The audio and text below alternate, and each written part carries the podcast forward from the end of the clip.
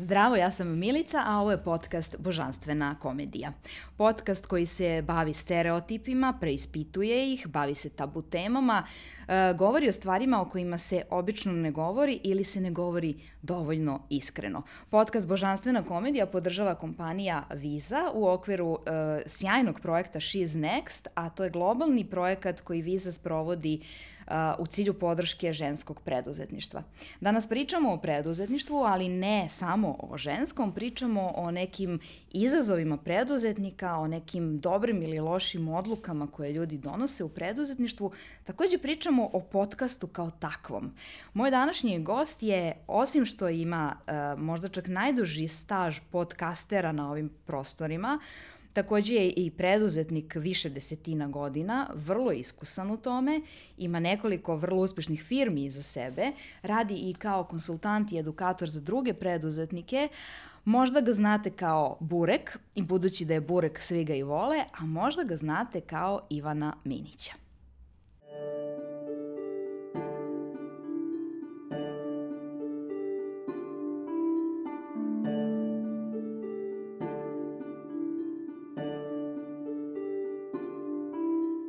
Pa Ivane, dobrodošao u podcast, nije ti stran, naprotiv. Šta više, ovog podcasta ne bi bilo da nema tebe. Dobro, kajem se, ali u redu. Znaš kad neko kaže ti si kriva za nešto, ja kažem nisam kriva, nego sam zaslužna. U ovom slučaju ti si 100% kriv čoveče za ovaj podcast.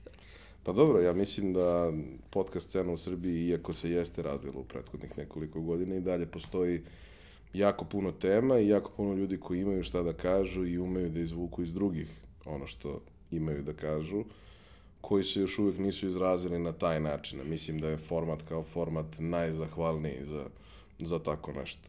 Nažalost, kod nas često postoji taj trend da kada neko počne nešto da radi, ljudi krenu da kopiraju to. Ne uzmu da iskoriste to za inspiraciju i onda na neki način svoj ispričaju neku svoju priču, neku temu ko, koja je njima bitna, nego onda imamo, ne znam, 10 biznis podcasta, 15 podcasta o košarci i tako dalje, a u suštini postoji jako puno tema koje su zapravo potpuno zapostavljene, a zapravo su veoma važne i društveno mnogo veći uticaj, uticaj mogu da imaju nego pomenute. Da vidiš, moj podcast nije tako jasno definisan. E, razlog tome je što bih ja volila da se bavim nekim baš teškim temama, ali da njih plasiramo onako usput, kao kroz, mi kao časkamo i onda pomenemo nešto što je baš stvarno teško. Uh, do sad je delimično uspevalo, ali nekako, znaš, ovo je tek šesta epizoda, tako da vidjet ćemo vidjet ćemo, da, da naviknemo malo publiku, da kao može da očekuje nešto što može da osluša, a onda da čuje i nešto što možda nije očekivala, a mora u stvari da se, da se kaže. Pa dobro, ja znam da je ljudima vrlo teško da pričaju na neke teme koje su važne, ali nisu fluffy. Ovaj, verovatno zato i kompletan taj sadržaj koji je neopterećujući, ima neuporedivo veću publiku od onoga gde se dubinski kopa po nekim stvarima i po nama i po našim emocijama i ovaj, to su neka uh, kopanja po sebi, neka susretanja sa sobom koja ljudi u principu po svaku cenu gledaju da izbegnu. Mislim, ako ništa drugo, videli smo to tokom korone, kad je u suštini možda jedan od glavnih razloga zašto ljudi nisu baš bili ovaj, na 100% i bilo to što su bili prinuđeni da budu sa sobom, a ne sa nekom verzijom sebe koju mogu da odglume nekoliko sati i e, morali su da imali su dovoljno vremena da razmišljaju o svemu onome o čemu nisu stizali da razmišljaju jer su mogli nekako da se ovaj da naprave neku vrstu distrakcije, da izađu, da urade bilo šta, a onda kad ovaj, ostaneš uh, zatvoren sam sa sobom i to ne traje nekoliko dana, nego traje nekoliko meseci, onda sve te stvari isplivaju i onda mnogi shvate da to što rade u tom trenutku možda i nije ono kako su zamišljali da treba da im izgleda život oni koji se uhvate u koštac sa tim imaju hrabrosti da pokušaju nešto da promene, oni uspeju da naprave neku, nekim dobru stvar, iako nikad nije lako, ali mnogi se jednostavno izgube i ostanu u tom nekom limbu čekajući da se stvari reše same od sebe, a neće. Redko se stvari reše same od sebe. Nekad se dese same od sebe, ali redko se baš reše. Pa, vidi, reše se relativno često ako im daš dovoljno vremena ali se redko reše na način na koji bismo mi voleli. Tako da ako imaš ishod kome težiš, onda bi verovatno trebalo nešto da uradiš po tom pitanju da do njega i dođeš. Možeš da se prepustiš sreći, možeš da se prepustiš okolnostima, da se prepustiš volji drugih ljudi, a onda nemaš pravo da se buniš. A mi volimo da se bunimo. to to najbolje ide. Uh, znaš šta sam rešila? Uh, od ove epizode, pošto moje iskustvo pred uh, kamerama ili pred mikrofonom, pošto imam i televizijsko i radijsko, je uvek bilo u okviru emisije. Emisija mora da traje određeno vreme, zato da bi ovi ljudi što prodaju reklame na televiziji i radiju mogli da negde stave reklame i da kažu, da planiraju ostatak programa prema tome. Sad kod podcasta, i ja tu uopšte nisam toga bila svesna zapravo, jako sam, sate i sate smo ti ja proveli pričajući o, o ovom podcastu i ti si mi dragocene savete dao. Uh, nekako se to valjda tebi podrazumevalo, a meni se ovo drugo podrazumevalo, to mora traje sat vremena. Da, i nedavno sam tek shvatila da ne mora. Mora, može da traje koliko nešćeg kvalitetnog ima da se kaže. Tako da od ovog podcasta trajemo koliko hoćemo, što znači možda se ispričamo, možda za, ono, u 3-6 minuta se oko pogledamo i kao to je to, a možda budemo pričali dva i po sata. Pa, Ako ti se piški ili nešto ti kaže slobodno prekinućemo. Um, format jeste takav da ti omogućava da budeš potpuno slobodan kao autor i da radiš ono što ti hoćeš onako kako hoćeš. Ono što je činjenica da ako razmišljaš o publici, pokušavaš da gradiš neku publiku i neku zajednicu, um, bilo koja vrsta malo veće masovnosti podrazumeva neku vrstu predvidljivosti. Dakle, ljudi žele da to traje neku količinu vremena koliko obično traje. Sad, naravno, na televiziji je to 24 minuta, 48 minuta ili tako neki ovaj, period koji sa dodatim reklamama čini taj blok od pola sata ili sat, sat. vremena. Ovaj, ovde to ne mora da bude tako, ali ukoliko je podcast od starta koncipiran tako da traje recimo 30-40 minuta, nije baš ne prolazi baš najbolje kod ljudi ukoliko jedna epizoda traje 3 sata. I moja preporuka je uvek u takvim situacijama, kada je to moguće, da se prosto u tom slučaju razgovor podeli na, na dve epizode ili na tri epizode i generalno uh, i tvoji dosadašnji gosti i moji gosti i većina ljudi koja bude pozvana od strane nekog ko zaista ima jak autorski pečat u, u podcast, vrlo često imaju da kažu mnogo na razne teme i ne moraju sve baš teme i sve što imaju da kažu da pokriju u jednom dolasku. Naravno, postoji ekstremi kao što je moj prijatelj Srđan Erceg, ovaj, koga jednostavno bilo koja konačna količina vremena ne može da obuhvati. Ovaj, ali zato je Srđan čuvar galaksije, zato je Srđan jedini koji imao četiri epizode pojačala i još uvek nismo ispričali ništa. Ovaj, ali generalno nije neki preterani problem da se stvari podele, naročito ukoliko je ta podela smislena. Sad, u mom slučaju, kada je u pitanju pojačalo, ta podela je obično hronološka. Jer prosto ima ljudi koji imaju dugu karijeru ili su sebi jako komplikovali život u prvom delu ili u drugom delu karijere, pa ona zahteva više vremena. I u našem slučaju, kažem, ta podela je hronološka, ali ne mora da bude tako, može da bude tematska.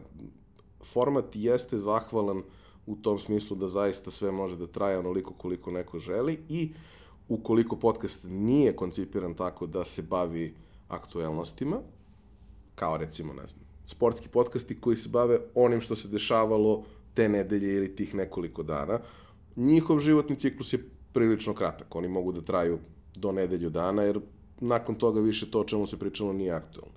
Ali sve te stvari koje nisu vezane za aktuelni trenutak, one mogu da budu evergreen. I vrlo često se naravno dešava da um, podcast koji je snimljen pre tri godine ispliva zato što je iz nekog razloga ta osoba sada interesantna, dala je neki zanimljiv intervju i to se vrlo lako vidi i u analitici, da ne znam, te nedelje ta epizoda bude među gledanijima, iako je snimljena pre tri godine. Iako možda tada nije prikupila neko preterano interesovanje ljudi. Tako da, format jeste jako zahvalan, može da se snima kako god je neko zamislio, jedini uslov je da to zvuči ok, da ljudi to mogu da slušaju bez distrakcija, šumova, buke i svega ostalog.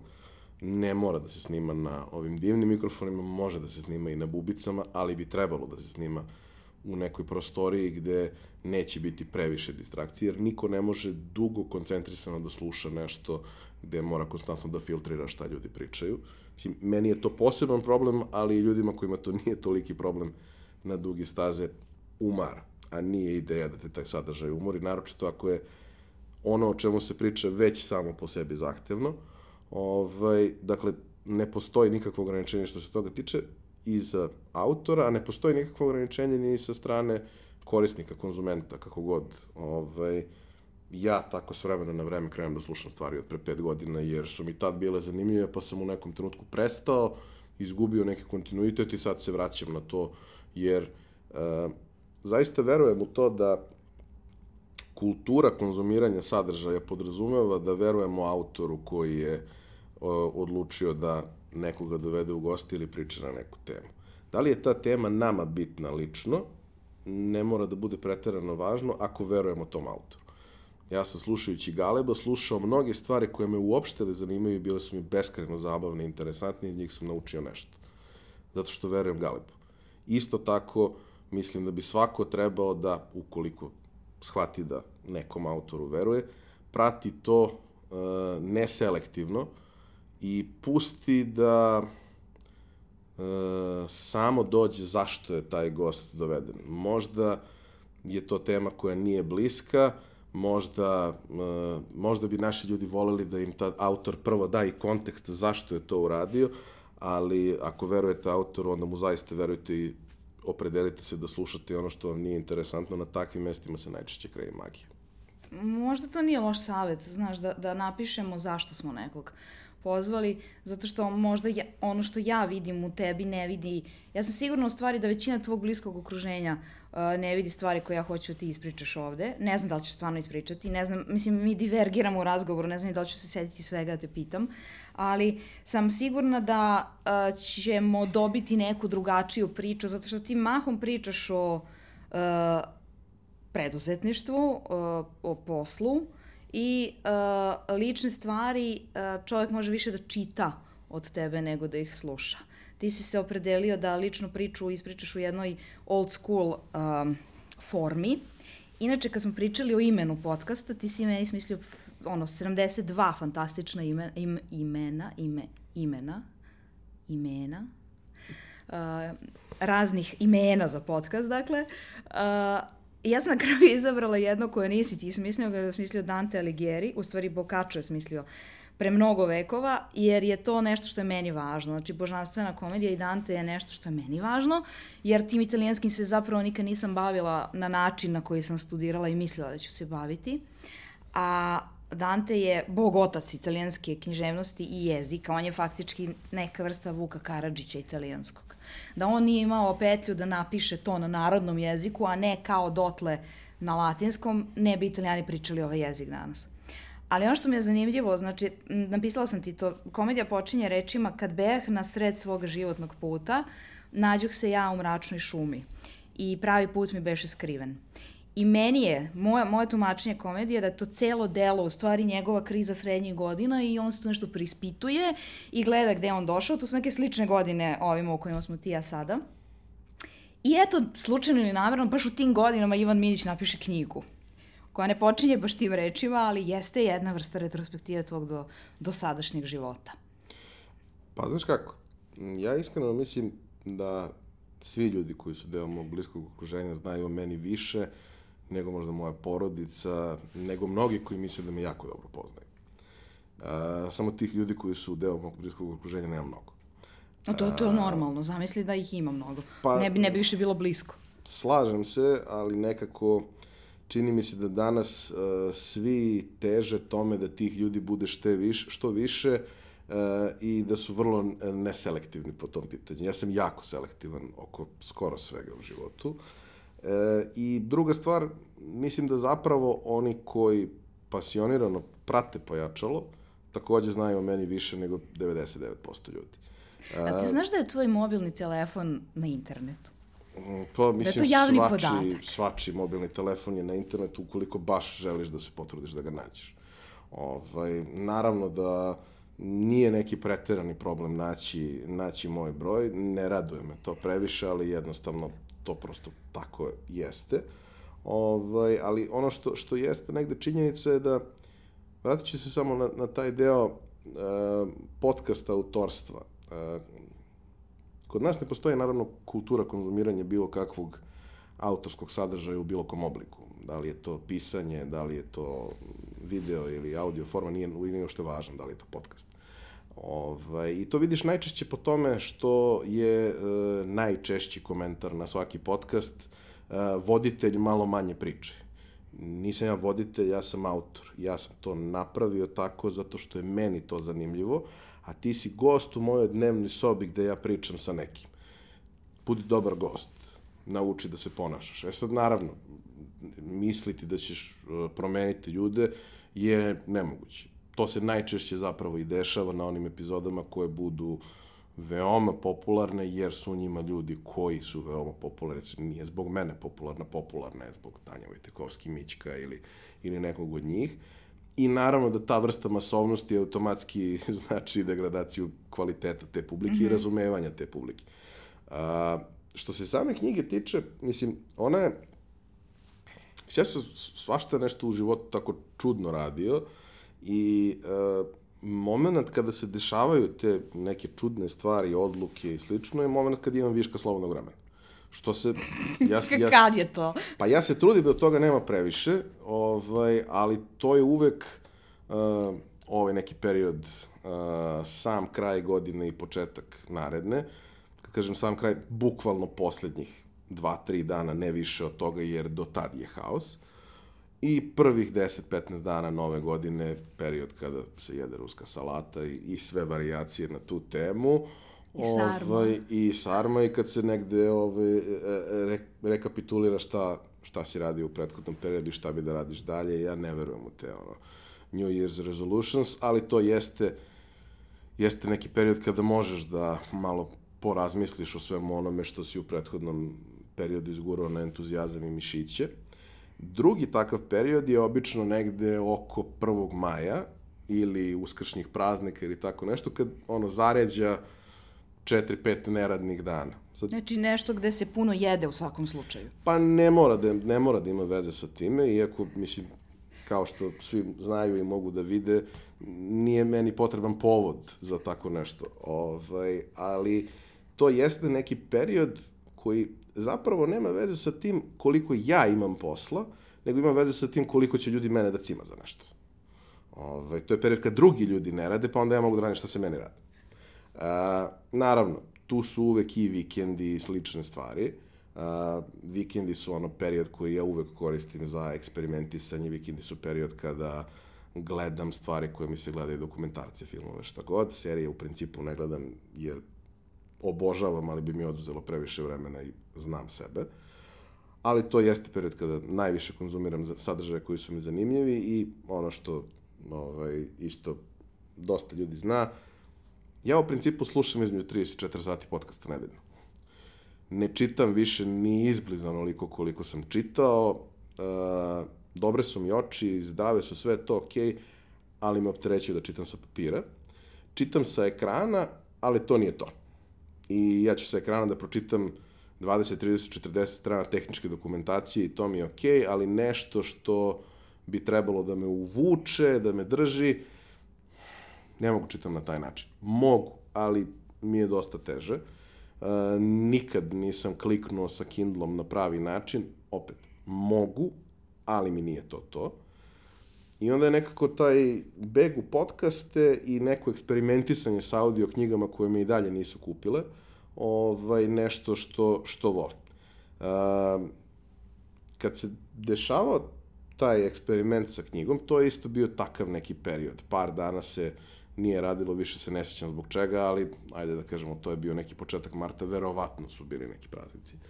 Ovaj, imali smo nešto 3-4 dana koje se nisu radile, a, jedne subote, a, mi subotom igramo a, kolektivno ovaj, košarku 5 na 5 i to je prilično fizički i emotivno iscrpljujuće, pošto ja košarku obožavam, a fizički baš nisam u sjajnoj formi, što me ne sprečava da izdržim sat i po tempo u 5 na 5.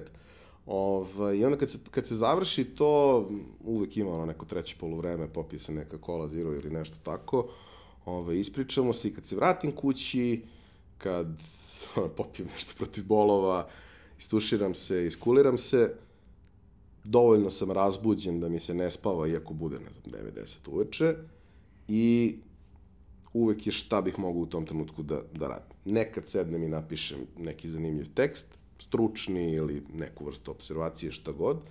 Ako imam ono, u, u, negde bukirano da treba da napišem neki tekst u narednih par nedelja, verovatno će se desiti subotom uveče. Ovaj, I tako je bilo i sa ovim. Ja sam uh, to veče razmišljao da mi za nekih mesec dana sledi jedno veoma važno predavanje koje je trebalo da se desi godinu dana pre toga, možda čak i dve, ali COVID, mislim čak zapravo dve godine pre toga, da smo se dogovorili na konverziji uh, u Banja Luci, koja jeste zaista jedna sjajna konferencija i velika je čast biti uh, među predavačima. I tada kada smo pričali o tome pre dve godine, ovaj, uh, ja sam rekao da bi voleo da moja tema bude storytelling, uh, zato što je tad još uvijek bilo prilično sveže, sve ono nešto sam radio kroz projekat moja firma, ali ne samo kroz taj projekat, nego i kroz razne neke druge i ne samo ja, nego i neki moji prijatelji sa kojima sam saučestvovao u sličnim stvarima. I prosto sam o tome razmišljao kao nekoj vrlo važnoj temi koja nije na pravi način iskorišćena, jer uh, posebno kada su marketari u pitanju, kod nas se najčešće uh, taj deo, da kažem, pisanja, copywritinga storytellinga svodi na to šta će dati najbolje rezultate. Što je razumljivo i u redu i ponekad performans zaista jeste ključan, ali ako konstantno juriš samo performans, onda to znači da ni u jednom trenutku nema ništa što ljudi zapravo žele da konzumiraju. A mislim da je prava magija kad brand uh, pravi nešto što ljudi zaista žele da gledaju i, i konzumiraju. Pa sad, naravno, postoje mnogi načini na koji to brendovi rade i nisu svi uh, svakome zanimljivi. Jedan od načina na koji se to radi je ono što radi Red Bull sa ekstremnim sportovima i sportistima. To je zanimljivo, ali ja to ne mogu da gledam svaki dan, jer ne želim ekstremne stvari svaki dan. Ali nije loše jednom u deset godina da neko skoči sa ivice svemira. Zanimljivo. Ovaj, uh, Naravno, postoji potpuno drugačiji način za tako nešto, ali kod nas gotovo da toga nema uopšte. I jedan od razloga zašto su svi svoje vremeno odlepili na, na projekat moja firme je zato što je bio takav. E, nije postojala e, agenda u svakom tekstu šta mora kompanija da dobije od toga. E, jedino što je bilo bitno je da onaj ko je korisnik toga dobije vrednost po kojoj je došao i zato je taj projekat uspešan. Kad te pitaju zašto je uspešan, zato što su nas pustili da radimo ono što mi mislimo, a mi smo se na to ložili više nego bilo ko drugi. Ali to, to ti je sad iz, iz perspektive e, izvršioca posla, u, u odnosu na klijenta čiji je zapravo bio projekat, ali iz perspektive... Nije klijentov projekat. Projekat je moj. Koji je finansirao projekat. Oprosti. Da, ali suština jeste u tome da donosioci odluka u firmama ne žele takve projekte i ne vole takve projekte i jako je redko naći ljude koji su zaista fantastični, a oni su tada bili tamo i donali tu odluku. Uh, ispostavit će se tri godine kasnije da su se okolnosti promenile i da projekat više nije bio interesantan, iako mislim da i dan danas kogod priča o content marketingu na svakom predavanju bilo gde, to je prvi primer koji se koristi za sve. Uh, zato što je težak. Ali je taj, taj koji je imao dovoljno hrabrosti da ti da to da radi je opet imao i pamet i sreće da izabere tebe da to radiš. Zato što to ne može svako da uradi. Evo izvuci novinara iz ne znam, bilo kojeg medija koji je čitan i pismen i bavi se ekonomskih temama i to neće biti ti tekstovi. I meni je to bilo, ne, ne meni kao neko ko je pričao anđelima za moju firmu. Sa kim god da sam pričala o mojoj firmi, ljudi su bili u fazonu, ali on je mene stvarno slušao. Onda je čuo šta sam ja rekao, rekla i postavio mi pod pitanje. Nije došao sa listom spremljenih pitanja i sa agendom šta treba da me pita, a s druge strane sam upoznala ljude koji su kretali u biznise, koji su mi govorili, ja sam štampao ili štampala Ivanove tekstove s moje firme, podvlačila šta mi je bilo važno i ja sam iz toga naučila više nego iz knjiga o preduzetništvu. Naravno, zato što je ovo bilo vrlo životno i vrlo konkretno, ali e, kako se to uopšte desilo? Pa, mislim, ja kapiram da se ljudi sa diagnozama prepoznaju. Ja sam u tom trenutku sa Telenorom radio već 7-8 godina i ja zaista smatram da su ti ljudi sa kojima sam radio možda i najdivniji ljudi koje ja znam. Nebitno potpuno što smo mi radili posao i što je tu bila neka i, i neki protok novca i sve ostalo. Ja sam tim ljudima prijatelji dan danas. Mi se i dan danas vidimo i manje više pravilo je isto kao što je bilo tada. Čim promene posao, oni zovu, ajde da vidimo šta možemo da radimo. Zašto? Zato što ako je to nešto što je iole blisko onome što mene zanima, ja ću to da uradim sa neverovatnom količinom posvećenosti i strasti. I što se tiče moje firme, e, to ne može da napravi niko. To ne mogu da napravim ni ja. Ali ja to mogu da napravim sa tih 15 ljudi koji su moji prijatelji, koji su imali istu potrebu i želju kao ja. Niko tu nije došao sa agendom, ni Ptiki, ni Marija, ni Igor, ni bilo ko od autora koji su tu bili nije došao sa agendom da ponudi svoje usluge. A svi su, zahvaljujući tome, prodali dosta svojih usluga, jer naravno ti ljudima pomogneš, oni reše problem, napreduju, porastu i onda se jave. Mislim, kao, ja sam ceo svoj konsulting suštinski razvio na preporuku, niko ni ne zna da se ja bavim konsultingom.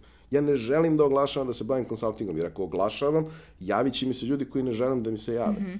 Ja imam konačnu količinu vremena na raspolaganju koja je sve manja i želim da imam tu neku vrstu preselekcije da ljudi sa kojima sam radio, sa kojima sam imao lepe rezultate, koji su zadovoljni, bilo da smo se bavili nečim što treba da unapredi njihov biznis ili da smo samo se bavili preduzetničkom psihoterapijom, a, kada me oni preporuče, oni osobi koje, koje preporučuju, daju i kontekst i sve ostalo, ona zna na šta dolazi. Zna da ja nisam osoba koja će da dođe i na prvom sastanku da ti kaže da će ti rešiti sve tvoje probleme. Ja ću prvih pet da te pitam.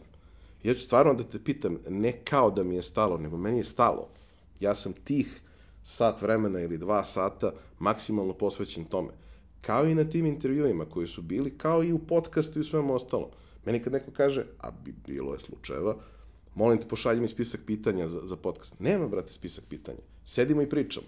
Pa ja, ja bih volao da se spremim. Dobro, ja mogu da ti pošaljem neke teme koje bih volao da prođemo. Ali nema spisak pitanja, mi sedimo i pričamo. I kad kažeš nešto čudno, preko čega bi neko drugi prešao, ja ću te pitam, zato što -hmm. mene zanima.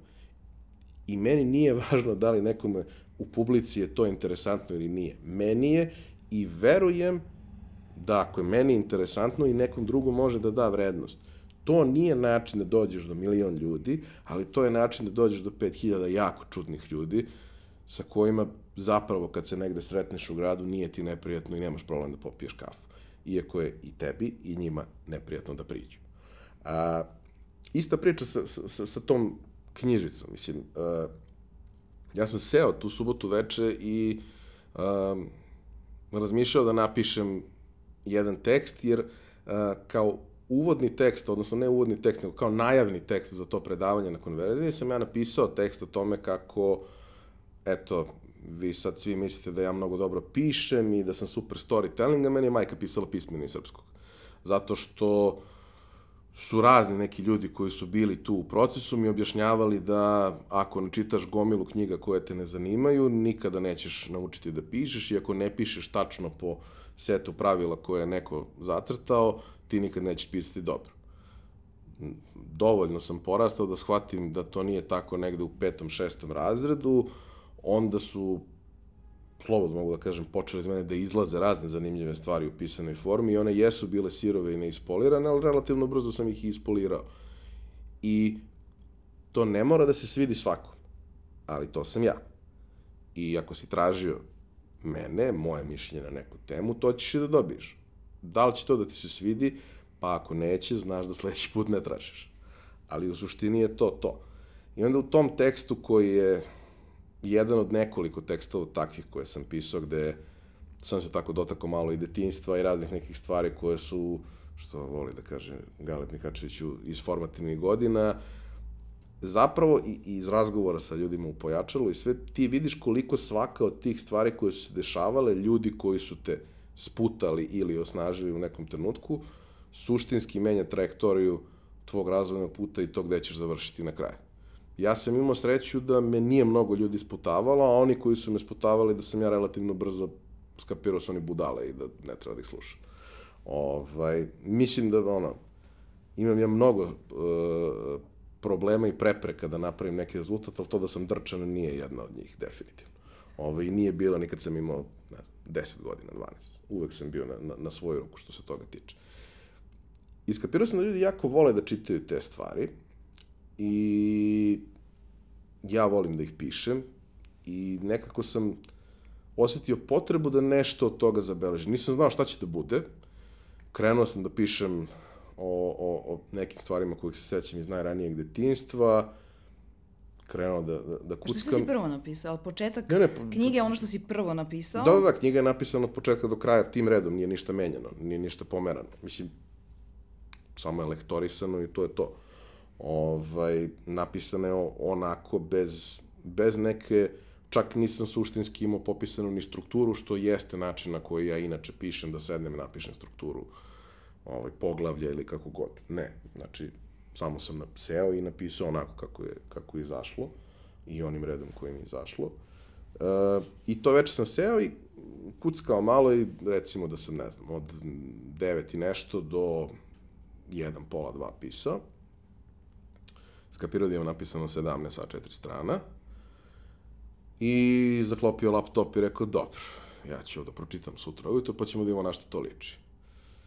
Ja sam to pročito sutra ujutru i delovalo mi je da nije loše.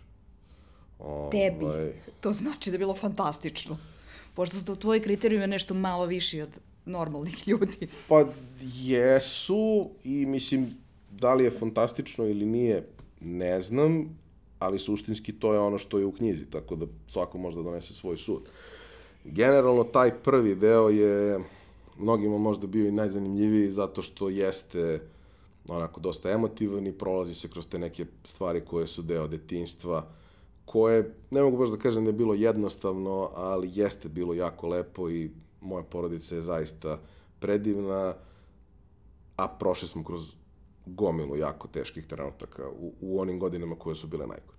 Ovaj, I onda nakon toga, nekako logično mi je bilo sutradan kad sam ustao da lagano nastavim da pišem šta se dalje dešavalo, jer u principu uh, kažem, u tom nekom periodu kraja srednje škole, početka srednje škole, počinju da se dešavaju stvarno zanimljive stvari. I stvarno nesvakidašnje stvari i stvarno krećem da se susrećem sa nekim ozbiljnim problemima. Meni je sa, sa 13 godina svaki problem bio ozbiljan, ali posle toga shvatiš kakva sve sranja mogu da se dese i onda ti to sve deluje banalno. I skapirao sam da Ja ne znam šta hoću da uradim sa tom knjigom, ali verujem da može da bude korisno nekome na isti način na koji je korisno ovaj, poslušati nečiji razvojni put, jer to onda možeš da vidiš, a to je ono što neko spojačalo, jer to onda možeš da vidiš da a, mnogi ljudi a, su prošli gore stvari od tebe, preživeli, otresli sa sebe ovaj, a, blato i sve ostalo i nastavili dalje.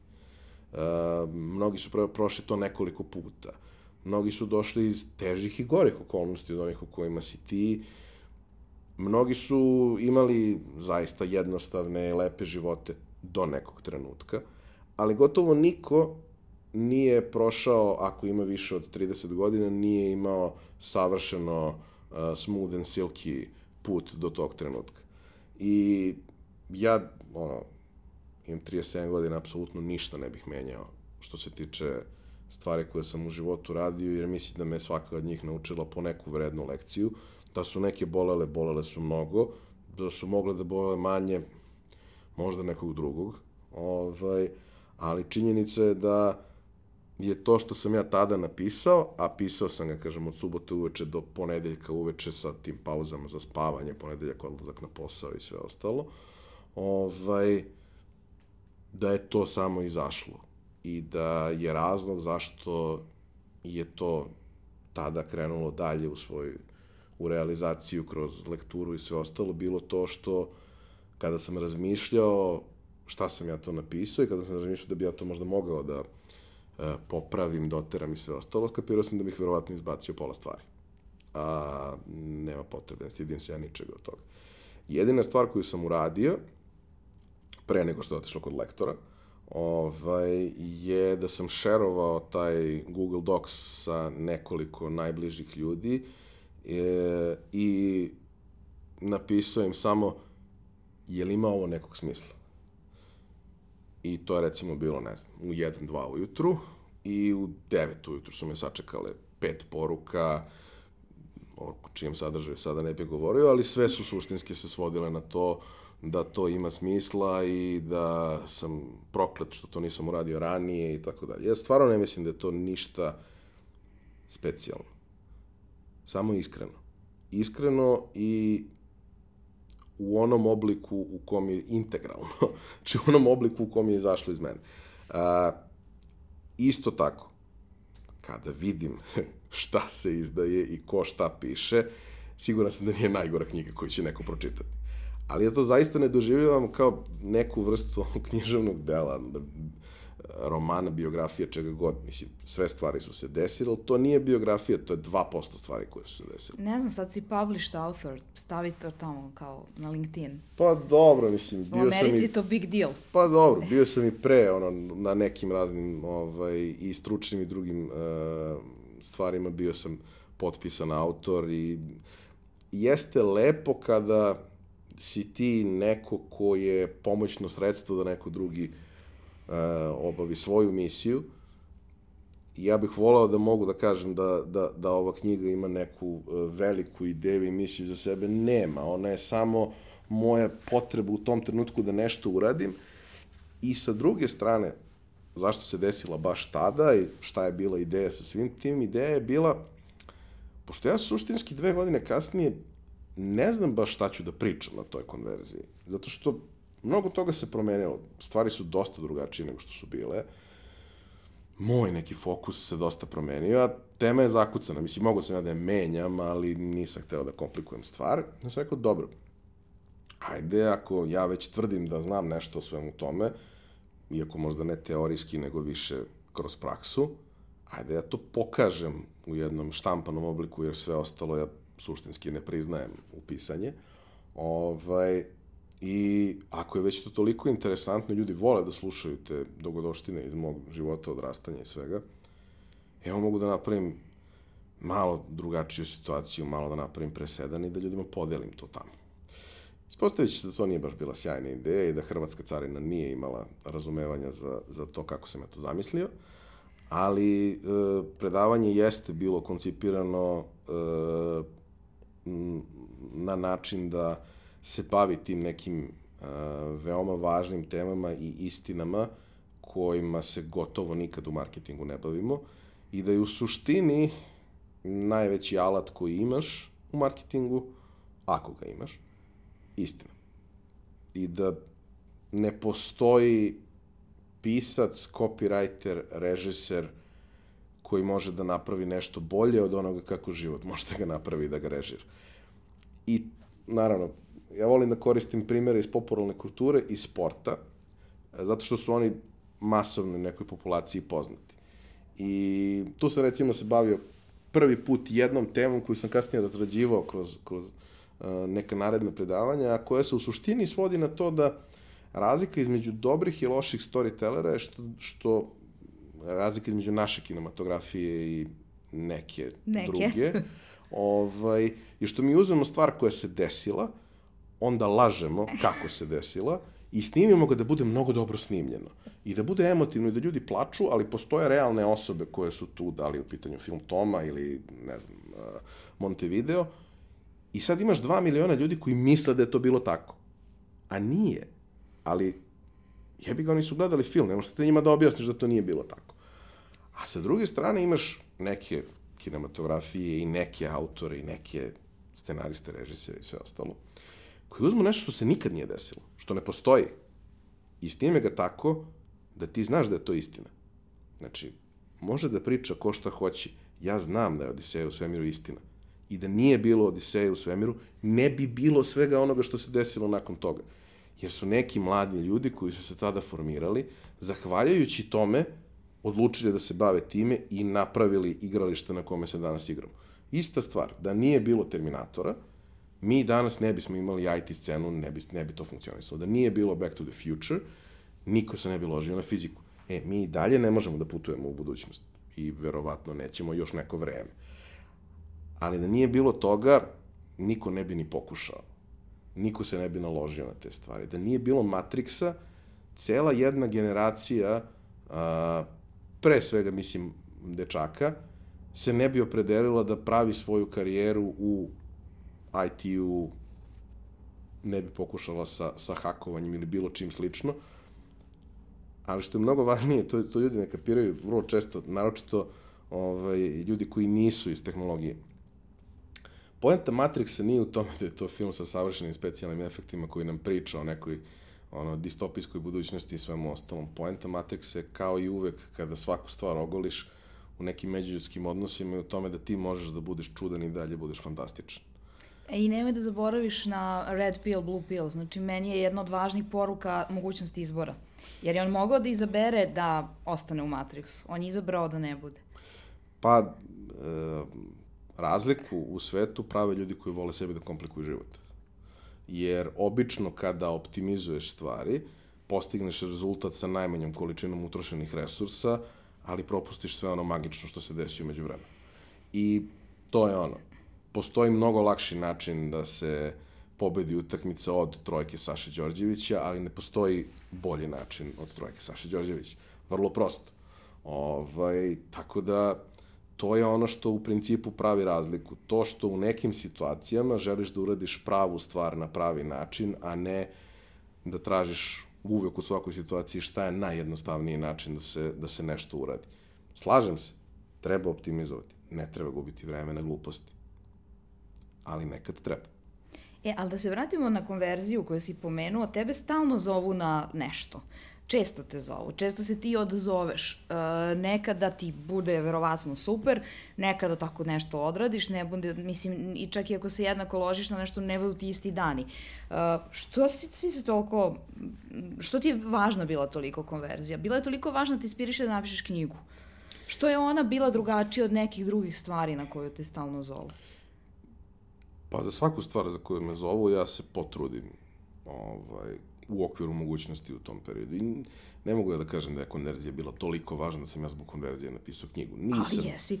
Pa, ali i zbog svega drugog što se dešavalo u tom nekom periodu i ono, osetio sam potrebu i nisam teo da sputavam tu potrebu više sputavam potrebu da napišem diplomski godinama, tako da možda ne moram, možda recimo to ne moram da potrebe. da radim više, ovaj, ali ovo konkretno sam želeo da, da uradim. E, činjenica jeste da ja ne volim javni nastup i da meni apsolutno, ne da mi nije prijatno, nego to je borba za goli život i dan danas. Samo 500 nastupa kasnije, ta borba se ne vidi s polja toliko i naravno da je meni mnogo lakše nego što mi je bilo prvi put ali sam i prvi put kada sam imao priliku da, da pričam o tome, shvatio da a, ta mogućnost da izađeš pred nekoliko stotina ljudi i da preneseš neku poruku, ispričaš neku priču, je jedan od najjednostavnijih načina da promeniš svet, da to ne radiš čoveka po čoveka.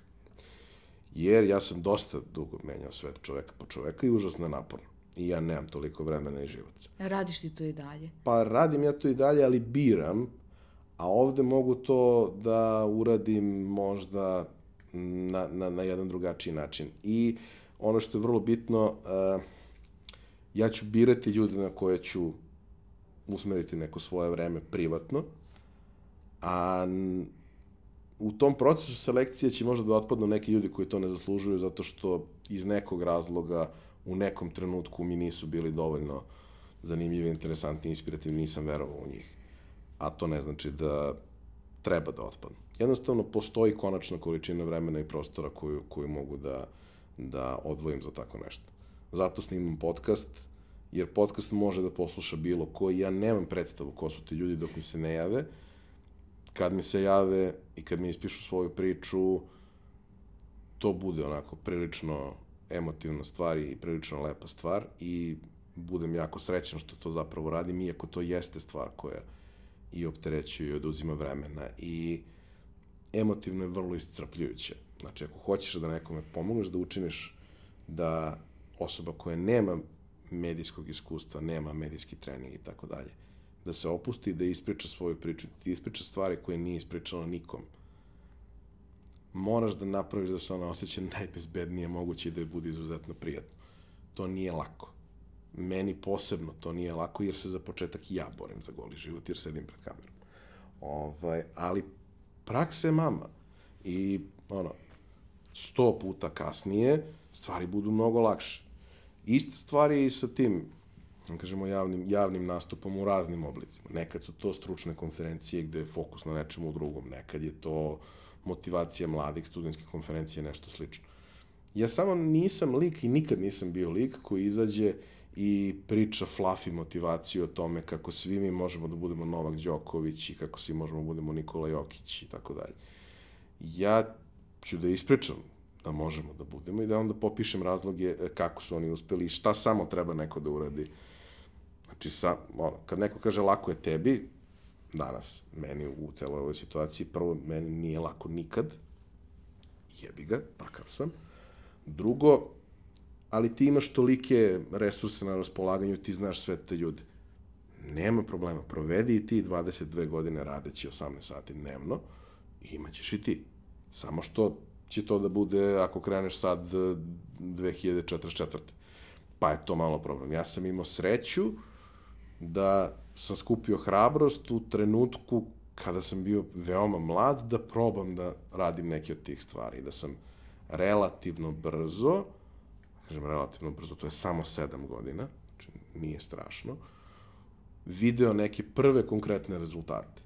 I onda kada bi mnogi rekli, e, ovo je super, kupujemo novog BMW-a i putujemo po ceo dan, ovaj, ja sam rekao, ok, ovo je samo početak. I ajde da vidimo šta ćemo. I dok ćemo. I sigurno u nekom trenutku treba podvući crtu, i ja ću to uraditi svakako i promenio sam način na koji pristupam stvarima u prethodnih deseta godina više puta i naučio sam i da pustim stvari koje treba pustiti i ljude koje treba pustiti. Ovaj, dok sam u periodu pre toga bio dosta zagriženiji i mogao da izguram stvari jer mladost, ovaj, shvatio sam da ne treba to više da radim jer um, svaka vrsta e, sagorevanja koje traje u beskonačnost vodi u neku vrstu odbiljnog problema. Da li to bolest ili nešto drugo nije važno. Ja i dalje smatram da za stvari i za ljude koji su toga vredni nije nikakav problem da sagoriš tako s vremena na vreme, ali ako ti to postane modus operandi, onda nisi čovjek, nego si prskalica. Ovaj, pa nisam baš siguran da je to, da je to dobro rešenje na, na dugi staze. A, a šta je cena tog sagorevanja? Knjigu si napisao za tri dana, a ja znam da to nije redko da ti nešto uradiš zato što prepoznaš da je važno i da je sad moment da se to uradi i, uh, i uradiš nešto tako što ne spavaš, tako što radiš non stop danima. I kako onda se resetuješ, kako se vratiš? Mislim, negde moraš da platiš to, nekom energijom, nekim, zdravljem, ne, ne znam. Pa vidi, pre deset godina da pre 10 godina sam znao da ne spavam 5 dana zato što nešto bitno i treba da se desi. Sada ne. Mislim, može da se desi da jedan dan ne spavam jer imam jako čudan raspored letova pa onda ne mogu da spavam. Ali u principu se ne dešava više ništa tako. I knjiga je napisana, jeste napisana je za tri dana, ali u vrlo uh, umerenim okolnostima. Ja sam svaki dan spavao svojih normalnih 7 sati, otišao na posao, ok, da ne znam, da, da li sam legao u 2 i ustao u 9 ili legao u ponoć i ustao u 7, u mom slučaju uvek je bolja opcija da legnem u 2 i ustanem u 9.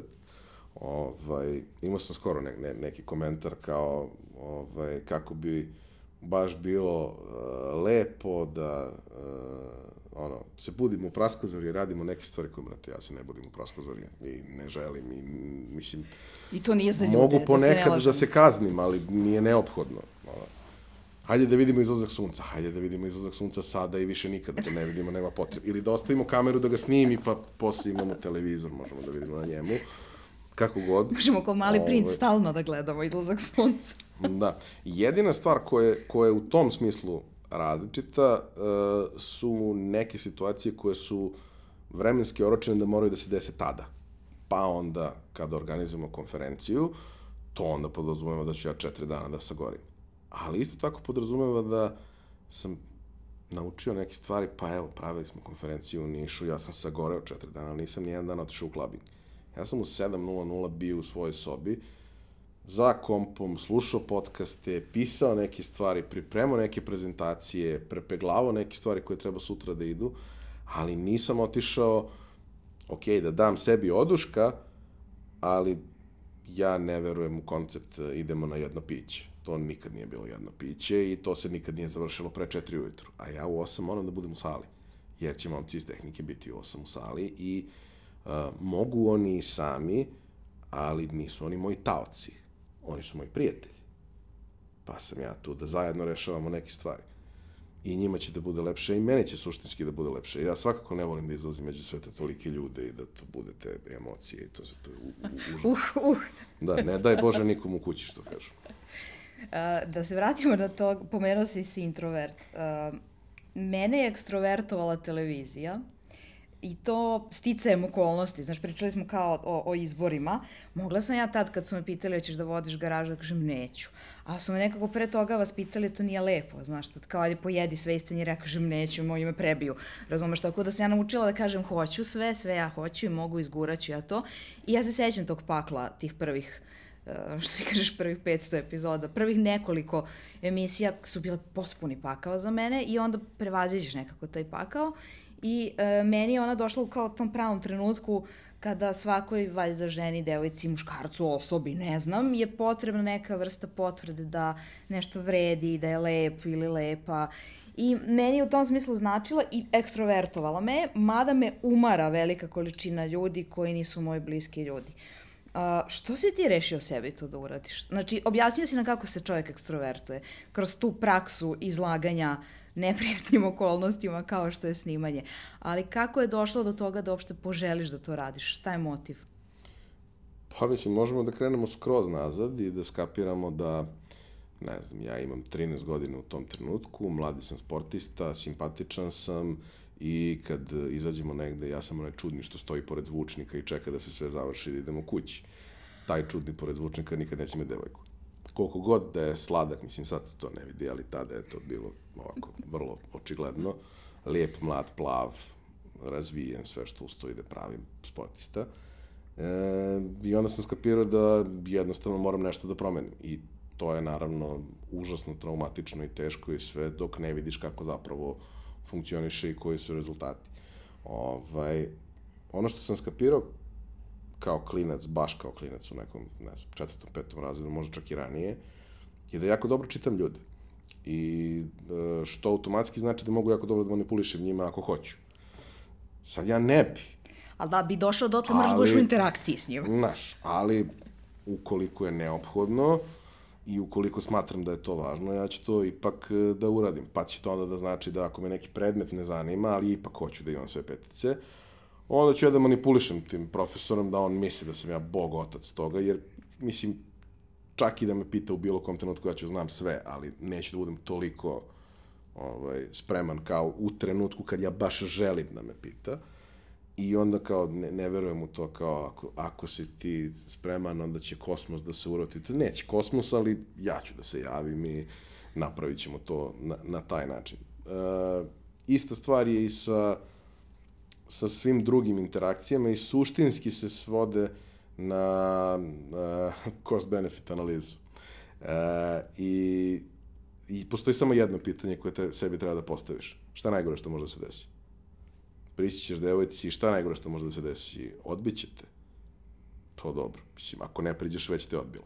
Uh, šta je gore od toga što može da se desi? Pa može da se desi u nekom trenutku da odreaguje ružno, burno i tako dalje.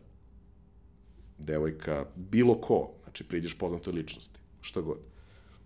Dobro, to može da se desi, ali ukoliko si prišao pristojno i uradio sve kako treba, a osoba sa druge strane odreagovala tako, onda je ta osoba kreten. Mislim, kao, okej, okay, znaš, ne možeš da utičeš na to kakav je neko drugi.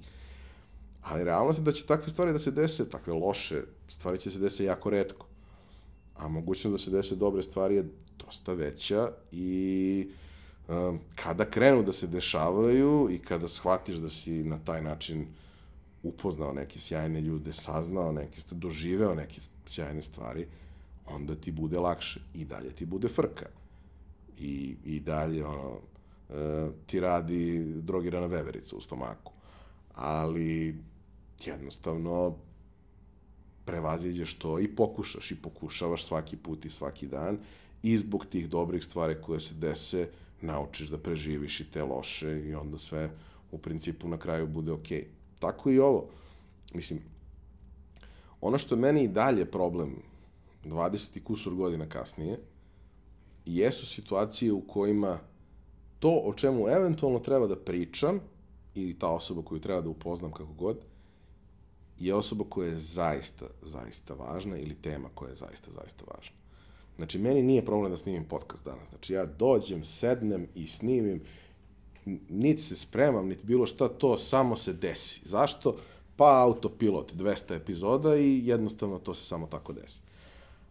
Ali desi se s vremena na vreme da imam neke teme koje nisu limunade i ne uklapaju se baš 100% u šablon koji bi verovatno mogo da isprogramiram, ono, tablet da postavlja pitanja umesto mene. Neke teme koje su mi važne, koje niko nije ispričao ili barem smatram da ih niko nije ispričao na pravi način. I onda to, a, a vrlo često su i meni lično vrlo bliske, i onda to jeste nešto što je naporno, teško uh, i nešto nakon čega ne mogu da kažem da, ne mogu da kažem da sam i jednom u takvoj situaciji failovo, bilo je situacije u kojima sam mogao možda da dobijem više, ali nauči čovek vremenom da je 90% skroz ok, da, da je prihvatljivo. Ovaj, a, ali to jesu situacije koje kada se završe, ja se sa sagovornikom i sagovornicom izgrlim, a onda odem kući da spavam. Nebitno što je uh, jedan popodne, ja mhm. odem kući da spavam. Jer je to toliko iscrpljujuće kada je kada je u pitanju, ovaj, kada su u pitanju tako neke stvari. Ista stvar je i sa, da kažem, ljudima i sa, sa, sa nekim situacijama koje, ono, ja nemam nešto mnogo uzora u životu koje sam stvarno voleo i cenio, neki od njih sam imao prilike da upoznam, e, do sad sam imao sreću da ni jedna od osoba na koje sam se ugledao kada sam ih upoznao me nije razočarala, naprotiv, ali svako od tih upoznavanja je bilo tsunami u, u, u, u e, mom trupu u tih ovaj, prvih 30 e, sekundi straha da priđeš osobi. A i onda nakon toga prvih nekoliko pitanja, jer naravno startuješ nekog na ulici ili negde i on te gleda zbunjeno i onda ti pokušavaš. Ali naučio sam jednu stvar i mislim, mogu da kažem da ima raznih ljudi i raznih situacija koje su me učile raznim stvarima u životu, ali um, kroz intervjue koje sam radio sa mojim dragim prijateljem Milošem Ivanovićem za, za Vice, uh, sam naučio da uh, se ljudi sa dijagnozama jako dobro prepoznaju i da m, ljudi koji, sportisti recimo kao i generalno poznate ličnosti, uh, gotovo uvek daju iste odgovore na iste pitanja i to mogu da pošalju PDF sa svim odgovorima, pa vi izaberite šta vam treba za intervju. E, naš intervju ni jedan nije bio takav i moj ni jedan podcast nije takav. Zašto? Zato što ti relativno brzo, ako, ako ti je to važno, uspeš da preneseš osobi sa druge strane da ovo nije on, ono što očekuje. I ja se sećam recimo jedne situacije, mislim, nije, nije neka preterano sjajna, sjajna poređenje, niti je taj intervju bio nešto spektakularan i u tom nekom smislu je bio lep, kao i većina koje smo radili, ali sećam se jedne situacije pre nekoliko godina radili smo za portal 011 Info, intervju sa Draganom Kosjerinom.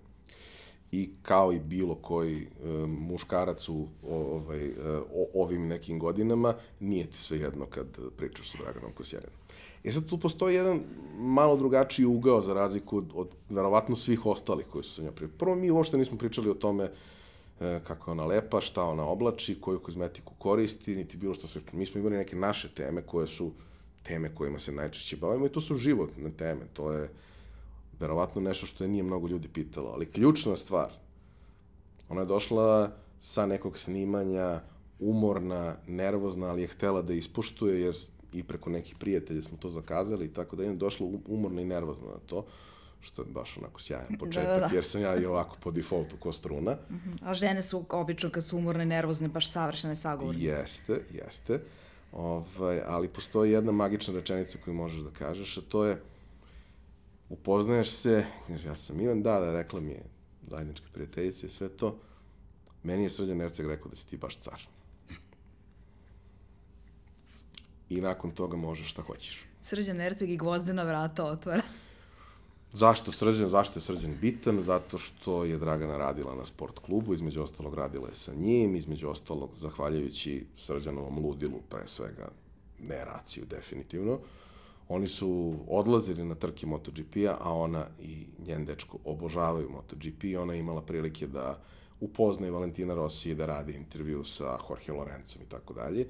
I između ostalog, mislim, pet godina pre toga da ja jedan dan nisam zaglavio na poslu i uspeo da pokvarim laptop na kome sam radio i ja sam trebao da idem na jednu od tih trka sa svima njima, ali dobro, i znam koliko je to bilo važno. Znam, ok, otišla je sa sport kluba na RTS jer RTS. Ako ne želiš da se baviš samo sportskim novinarstvom, to jeste zaista prilika da se iskažeš i to jeste prilika da postaneš mainstream zvezda ili šta god ovaj, da, da, da ti je cilj, imaš platformu koja je najmoćnije moguća. Znam. Ali deo nje je ostao na sport klubu i ona i dalje to prati. I ti znaš da ona to prati i da i dalje voli te stvari i da povremeno to provuče negde i pomene. I naravno da sam se i pročitao 500 intervjua da bi znao šta da pričam sa njom, zato što prosto ono, osim što je lepa žena, ne, neki, ne, ne pratim šta inače radi. Uh, I taj intervju je bio sjajan i ono, način na koji se ozarila, a nije prvi put da se tako nešto desilo u razgovorima sa ljudima, je upravo taj moment koji e, je kad se ljudi s diagnozama prepoznaju. Slična stvar nam se desila, ono, Miloš Teodosić ne voli da daje intervjue. Ima razlog zašto ne voli da daje, najviše zbog toga što i on je Andrkađi. Uh, nama je dao intervju koji je preveden na četiri jezika i mi smo pričali tri sata o stvarima koje nikad nikom nije rekao. Zašto? Zato što smo nas dvojica došli i mi nismo bili novinari. Nismo bili ni navijači. Mi smo bili neko ko je u principu isti kao on, samo nije na poziciji na kojoj on. Mi bismo isto poginuli u tom dresu kao što bi on, samo on ume, a mi bi voleli. Ovaj, I tako je bilo u nekoliko drugih situacija i tako je uvek upojačalo. A jel to radiš uh, s računa? To, znači, jel ta rečenica, to si pripremio da kažeš ne. meni je neko rekao da ti car ne. ili to samo izađe od tad iz tebe? Kao što si primetila, verovatno, generalno samo stvari izlaze iz mene. Ali nekako se dešava, verovatno je to vremenom došlo, da stvari izađu u pravom trenutku. I ne mogu da kažem da su sve uvek bile savršeno tajmirane i da su pogodile cilj, ali vrlo često jesu. I vrlo bilo često kad su baš promašile cilj? Pa bilo je situacija, mislim ono, uh, kako sam ja to ne, u nekom trenutku, ovaj, kad su me pitali uh, kakvu vrstu feedbacka ja mogu da dam, ja sam napisao nešto uh, harsh truths and unfiltered opinions. ovaj, e, otprilike tako. Ovaj, bilo je situacije u kojima to nije leglo, ne mnogo. Kažem, ja mogu jako dobro da pročitam šta se dešava preko puta mene. U nekim situacijama, u nekim situacijama ne mogu pročitam uopšte. Ali u tim uh, situacijama gde je neka vrsta, mislim, glupo će zvučiti, ali nemam drugi opis u ovom trenutku, kada je u pitanju neka uh, dinamika moći između sagovornika, nemam nikakav problem.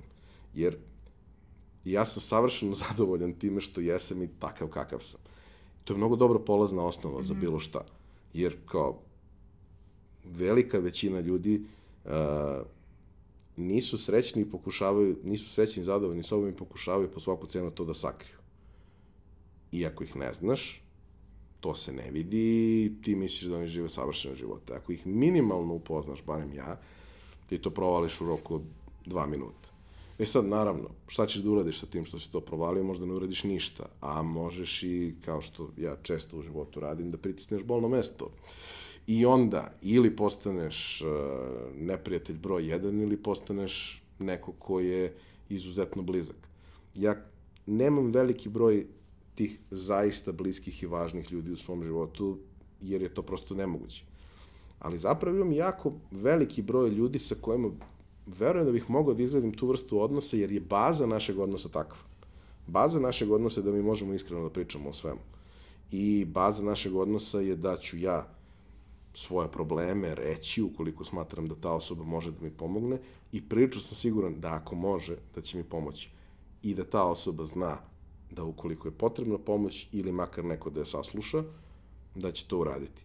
Mislim da je to ovaj, prilično dobar početak. Mi se trudimo iz meni nejasnih razloga ovaj, da sakrijemo svaku vrstu ranjivosti, što je u redu u javnom prostoru, ali nije u redu u nekom odnosu koji bi trebalo da bude prijateljski. Ja ne mogu da razumem da ljudi koji su eh, mada ima raznih porodica kod nas i familije i tako dalje, ali ja ne mogu da shvatim da ljudi kriju jedni od drugih stvari koje su važne ako ne možeš o tome da pričaš sa tim ljudima, da ne treba da pričaš sa njima nikad ni o čemu.